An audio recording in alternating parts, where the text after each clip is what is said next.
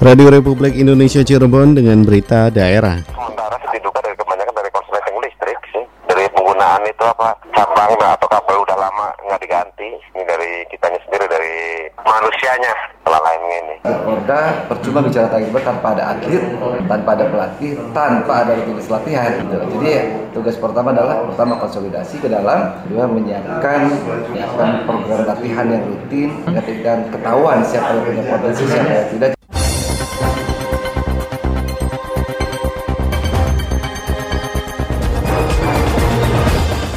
Sari Berita, masyarakat dihimbau lebih peduli memperhatikan sambungan listrik di rumah antisipasi kejadian kebakaran. Kota Cirebon siap menjadi transit jemaah umroh yang nantinya akan berangkat via Bandara BIJB Kertajati. Bersama, Hairul, bersama saya Heru Anwar, inilah berita daerah selengkapnya.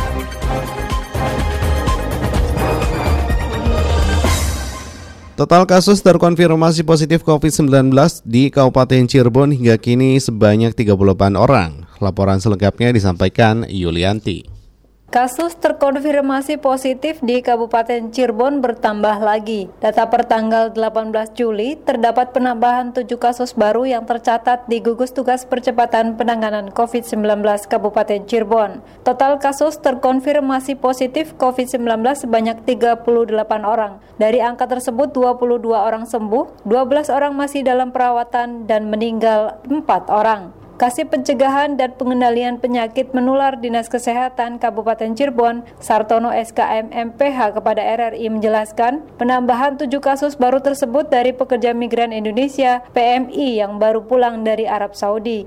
Enam orang PMI itu dalam pemeriksaan swab di bandara dinyatakan positif COVID-19 dan kini masih dirawat di Wisma Atlet Jakarta. Sedangkan satu kasus yaitu warga Jati Seeng, Kecamatan Ciledug yang memiliki riwayat kontak dengan keluarga yang berasal dari Tangerang dan telah melakukan isolasi mandiri. Diakui seluruh kasus terkonfirmasi positif virus corona semua berasal dari klaster luar Kabupaten Cirebon yang merupakan hasil dari tracing dan tidak terjadi transmisi lokal. Saat ini Kabupaten Cirebon diberikan kesempatan oleh Gubernur Jabar untuk melaksanakan adaptasi kebiasaan baru AKB hingga batas waktu tanggal 31 Juli 2020 sebelum nantinya dievaluasi terhadap penerapan aplikasi protokol kesehatan. Kalau adaptasi kebiasaan baru sebetulnya Gubernur sudah sudah menetapkan bahwa terhitung mulai 27 Juni Kabupaten Cirebon sudah masuk dalam AKB. Itu dikasih tenggat waktu sampai dengan 31 Juli. Jadi AKB itu dimaknai kalau dari gubernur,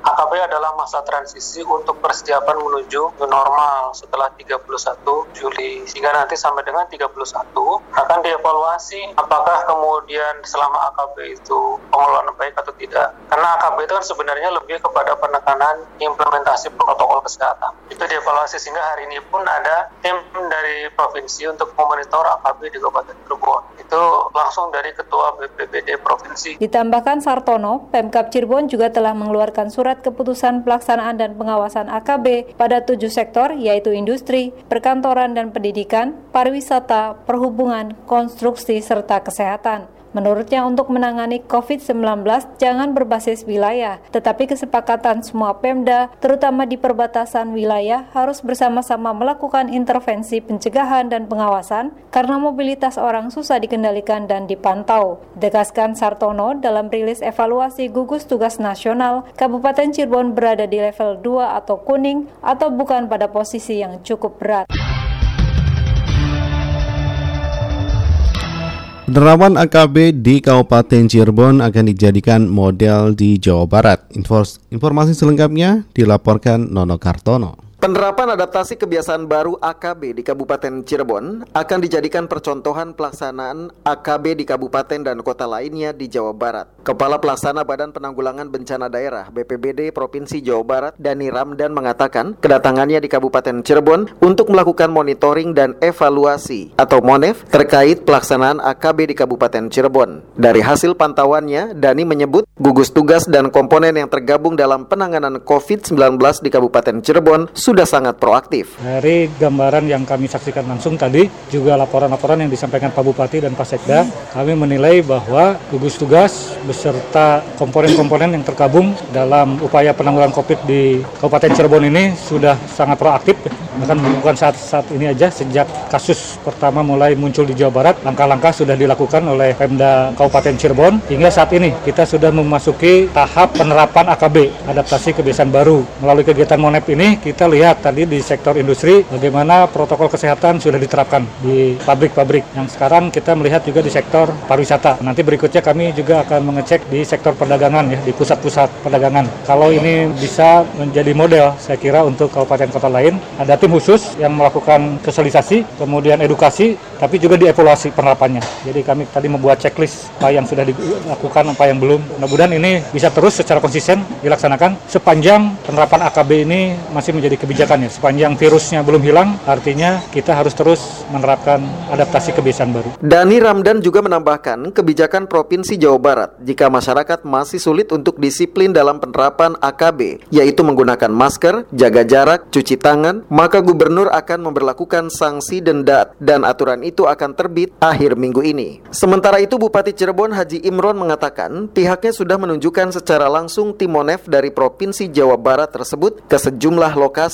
Salah satunya yaitu di PT Suritani Kecamatan Mundu. Dari hasil kunjungan tersebut diketahui secara langsung industri di Kabupaten Cirebon sudah menerapkan protokol kesehatan bagi karyawannya. Ternyata di Japa ini dampak daripada COVID ini tidak ada pemutusan hubungan kerja dan memang ada penurunan dari pendapatannya dan tadi kita sana cek itu memang dia tidak adanya COVID pun di mereka sudah mengikuti protokol kesehatan. Imron juga mengatakan saat ini sejumlah sektor sudah mulai dibuka seperti tempat ibadah, wisata, pusat ekonomi dan lain sebagainya. Imron mengklaim penanganan COVID-19 di Kabupaten Cirebon masih bisa dikendalikan, namun pihaknya tetap memastikan penerapan protokol kesehatan. Nono Kartono melaporkan.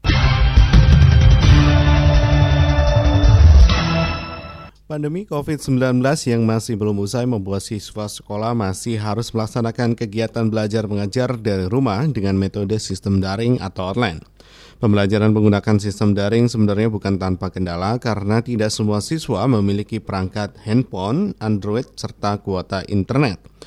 Berbagai alternatif pun dilakukan pihak sekolah agar pembelajaran bisa tetap berjalan dengan maksimal seperti di SMP Negeri 1 Sumber. Kepala SMP Negeri 1 Sumber, Heri Purnama kepada RRI mengatakan, dalam upaya mendukung pembelajaran jarak jauh melalui sistem daring, pihak sekolah memberikan fasilitas lab komputer yang bisa digunakan oleh siswa yang tidak memiliki HP Android dan internet.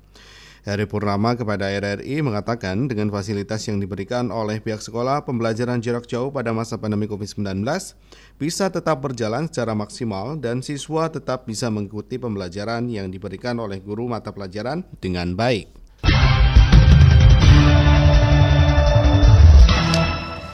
Kota Cirebon siap menjadi tempat transit jamaah umroh yang akan berangkat dari Bandara Internasional Jawa Barat BIJB Kertajati.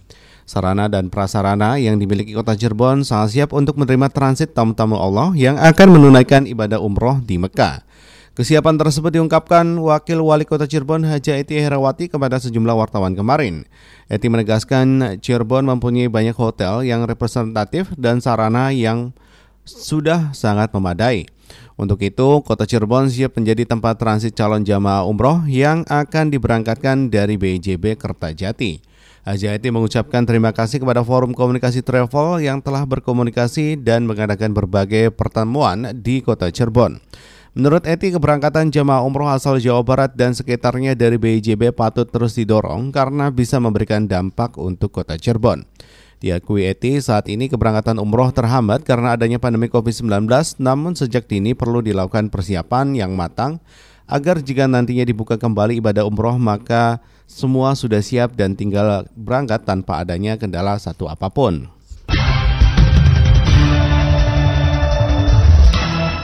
Masyarakat diimbau lebih peduli memperhatikan sambungan listrik di rumah guna antisipasi kejadian kebakaran. Informasi selengkapnya dilaporkan Muhammad Bakri.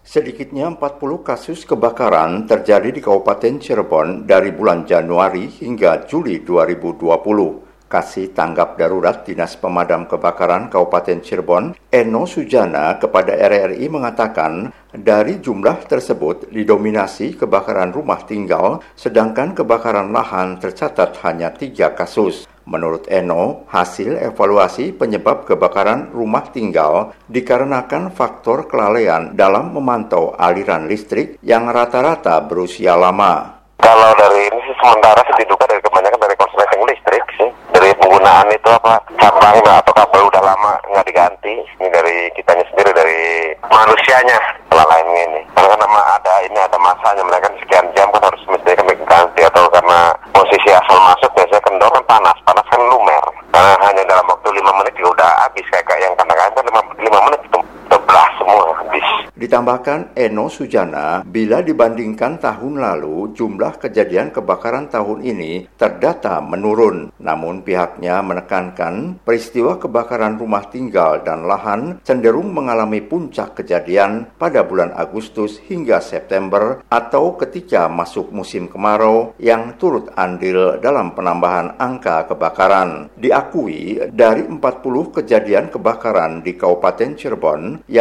terbesar dialami dialami oleh pabrik rotan dan pabrik roti yang mengalami kerugian 1 miliar rupiah lebih. Dikatakan kendala yang sering dihadapi dalam proses pemadaman yaitu kerumunan masyarakat yang justru menghambat petugas untuk memadamkan api. Kejadian kebakaran tertinggi berada di pos jaga damkar Kecamatan Weru, Palimanan, Sumber, dan pos jaga damkar Lemah Abang. Mengantisipasi pada musim kemarau, Eno menghimbau masyarakat untuk menghindari pembakaran sampah yang sangat berpotensi menimbulkan kebakaran lahan, bahkan rumah tinggal. Muhammad Bakri melaporkan.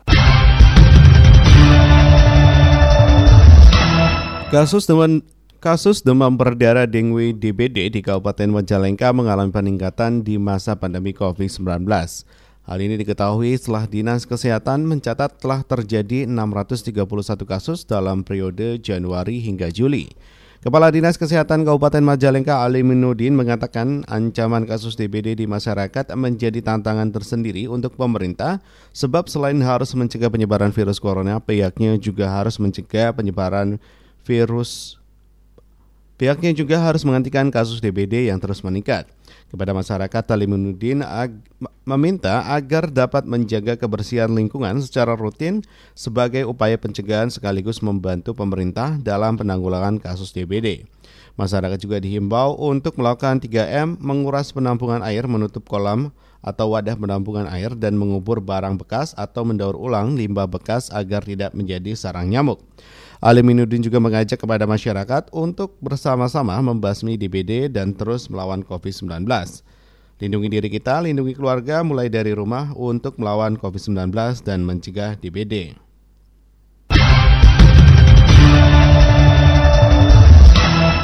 Direktorat Kepolisian Perairan dan Udara Ditpol Airut Polda Jawa Barat memperkenalkan salah satu peralatan penunjang pelaksanaan tugas terbarunya yang bernama Life Saver EU Safe. Alat alat penyelamat canggih ini difungsikan untuk menjalankan misi operasi SAR. Kepada sejumlah media, Direktur Pol Airut Polda Jabar Kombes Pol Widi Handoko di Mako Dilpo Dit Pol Airut Polda Jabar mengatakan pihaknya mendapatkan alat tersebut dari Mabes Polri untuk menunjang pelaksanaan tugas dan alat alatnya didistribusikan ke Pol Air di seluruh Indonesia. Lifesaver Yusef berbentuk pelampung dengan empat buah pemegang empat buah pegangan yang dilengkapi mesin dan dapat dikendalikan jarak jauh. Alat penyelamat canggih ini dapat membantu memudahkan petugas untuk menjalankan tugas yang sulit. Ditpol Airut Polda Jabar mengatakan bantuan alat tersebut sebanyak 50 unit kemudian didistribusikan kembali ke Dit Samapta, Brimob, dan Satpol Air Polres Sajaran di wilayah Jawa Barat. Masing-masing mendapatkan 2 hingga 6 unit tergantung pada kebutuhannya. Dengar kini kita ikuti berita olahraga. Berita olahraga. Berita olahraga. Cabang olahraga judo siap melakukan perombakan dan penca pencarian atlet demi meraih prestasi terbaik di ajang Porda Jawa Barat 2022 mendatang. Laporan selengkapnya disampaikan Aji Satria. Cabang olahraga judo Kota Cirebon siap melakukan perubahan yang optimal di masa mendatang dengan kepengurusan yang baru. Hal tersebut diungkapkan Ketua Umum Cabang Olahraga Persatuan Judo Seluruh Indonesia PJSI Kota Cirebon Dudi Juharno. Kepada RRI di sela kegiatan bersama KONI Kota Cirebon, Dudi mengatakan bahwa beberapa tahun ke belakang boleh dikatakan bahwa judo kurang bergairah terutama dalam menghasilkan prestasi dan di era kepemimpinannya hal itu akan segera dilakukan perombakan yang maksimal serta pencarian potensi-potensi pejudo yang tangguh dan handal. PJSI pun tentu akan terus berkomunikasi maksimal dengan KONI Kota Cirebon dan seluruh insan pejudo di wilayah Cirebon secara optimal agar mendapatkan gambaran pasti terkait peta kekuatan judo yang ada di Kota Cirebon dan sekitarnya. Saya dipanggil sama KONI melalui Binpres dalam rangka satu yang pertama justru saya ingin meminta input masukan penjelasan apa pun terkait dengan judo dan kedua Binpres meminta data-data yang dibutuhkan judo saat ini combine combine ya. Uh -huh. Nah kira-kira sebagai cabur yang siap bertarung di Porda nih seperti apa nih Pak targetnya nih? Target pertama saya adalah konsolidasi konsolidasi atlet dan target kedua adalah melakukan rutinitas kegiatan latihan yang berjenjang karena kalau target Porda percuma bicara target tanpa ada atlet tanpa ada pelatih tanpa ada rutinitas latihan gitu. jadi tugas pertama adalah pertama konsolidasi ke dalam kedua menyiapkan menyiapkan program latihan yang rutin ketika ketahuan siapa yang punya potensi siapa yang tidak jadi seleksi bahan itu Porda koordinasi untuk latihan lebih lanjut apakah masih menunggu informasi dari KONI atau seperti apa di masa pandemi? Akan melakukan insya Allah hari Selasa besok gelar latihan perdana juga bergeser dari SMP 1 ke KONI berusaha di press bisa dipakai tempat untuk melakukan latihan uh, judo.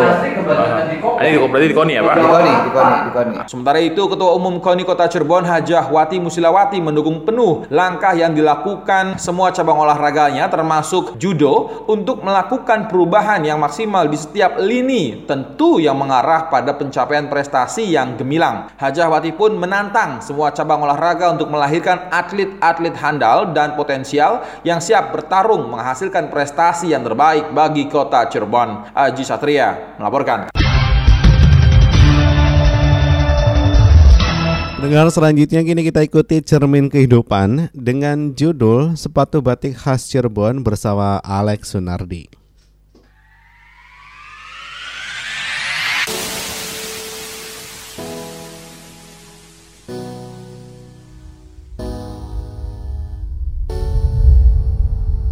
Bagi sebagian orang, barang bekas tentu dianggap sebagai barang yang tidak berguna dan tidak berarti apa-apa. Tapi lain halnya bagi orang-orang yang kreatif, karena barang bekas bisa diubah menjadi barang yang bernilai jual tinggi.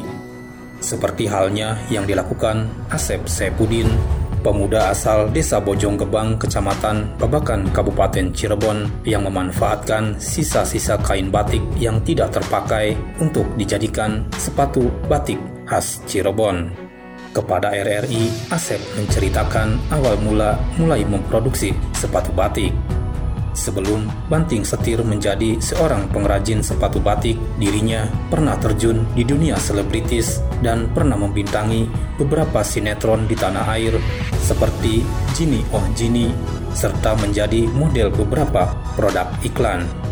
Bosan dengan dunia entertainment, Asep pun memilih untuk pulang kampung dan mulai menekuni dunia wirausaha menjadi pengrajin sepatu batik yang awalnya karena kecintaan terhadap budaya terutama batik yang merupakan warisan leluhur bangsa Indonesia. Saat bermain ke temannya yang merupakan pengrajin batik, Asep merasa prihatin dengan sisa-sisa kain batik yang terpaksa dibuang karena tidak terpakai. Dari situlah ia mulai berpikir bagaimana caranya agar sisa kain batik bisa terpakai dan dijadikan barang yang bernilai daripada dibuang percuma. Hingga akhirnya terlintas untuk memproduksi sepatu dengan corak batik yang bisa menjadi ciri khas Cirebon.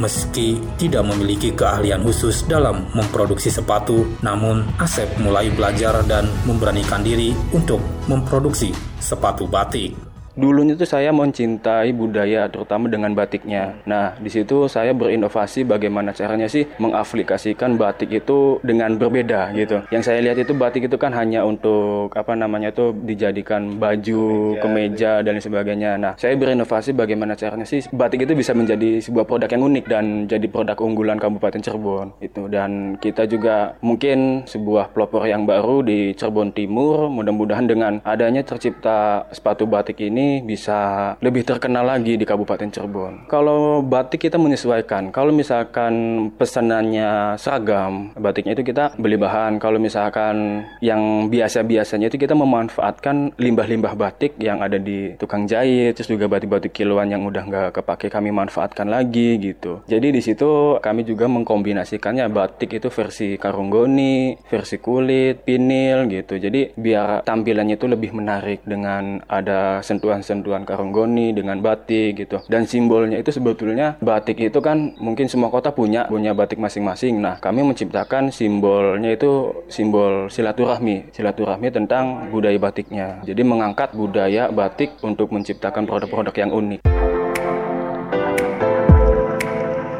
Sejak berjalan tiga tahun yang lalu, dirinya tidak menyangka jika sepatu batik yang diproduksi direspon positif oleh masyarakat. Meski alat yang digunakan untuk memproduksi sepatu batik masih menggunakan alat produksi manual, namun ia menjamin produk yang dihasilkan kualitasnya tidak perlu diragukan dan bisa bersaing dengan produk yang dihasilkan pabrik.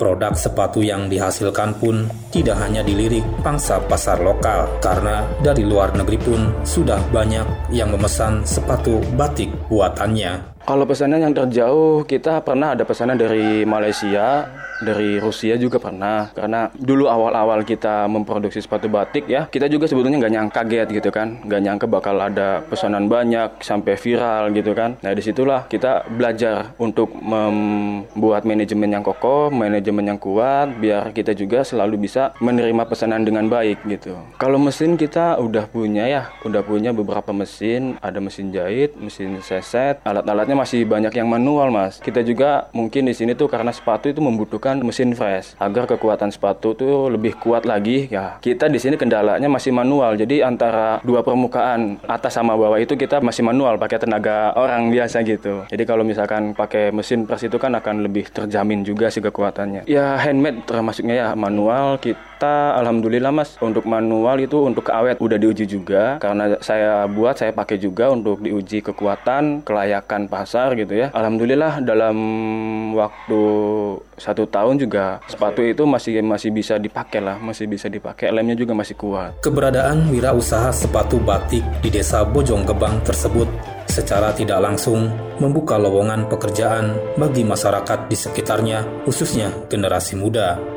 Asep Sepudin pun tidak sungkan untuk mengajak generasi muda yang ada di desanya belajar memproduksi sepatu batik, sehingga para pemuda memiliki keahlian sekaligus juga bisa membantu produksi sepatu batiknya. Nah di sini kami mengajak ya mengajak buat teman-teman pemuda itu bisa berlatih untuk membuat sepatu batik dan biar permintaan-permintaan pasar itu bisa mencukupi dengan SDM-nya gitu. Jadi untuk pasar kita berjalan, SDM kita kuat dan pemuda itu tidak sulit untuk mencari lapangan pekerjaan di luar. Iya karena SDM-nya itu karena kita gini ya banyak pemuda-pemuda perantauannya terutama juga dari desa sendiri juga kan mungkin sebuah awal awal soal adanya industri kreatif, tapi tetap kita akan selalu mengajak pemuda-pemuda yang terutama itu dari usia 15 tahun sampai 20 tahunan yang mungkin masih ada stay di rumah. Nah, sambil menunggu waktu luang mereka sekolah, waktu luangnya itu kita akan diajarkan tentang kreativitas-kreativitas industri kerajinan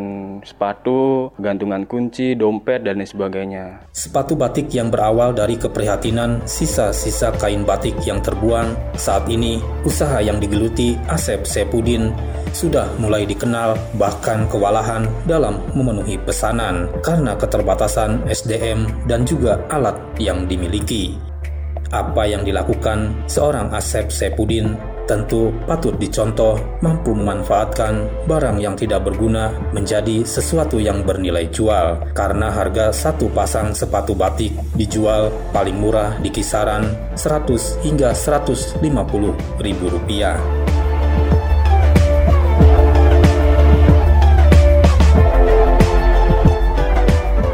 Demikian cermin kehidupan edisi kali ini mewakili seluruh kerabat kerja yang bertugas. Saya Alex Sunardi undur diri dan sampai jumpa.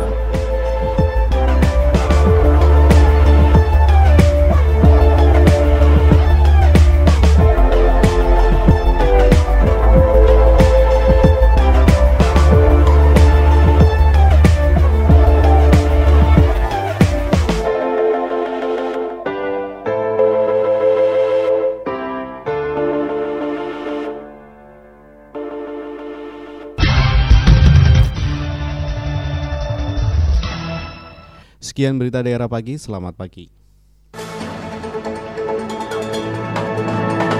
Demikian rangkaian berita aktual pagi ini dalam Buletin Berita Daerah Radio Republik Indonesia Cirebon.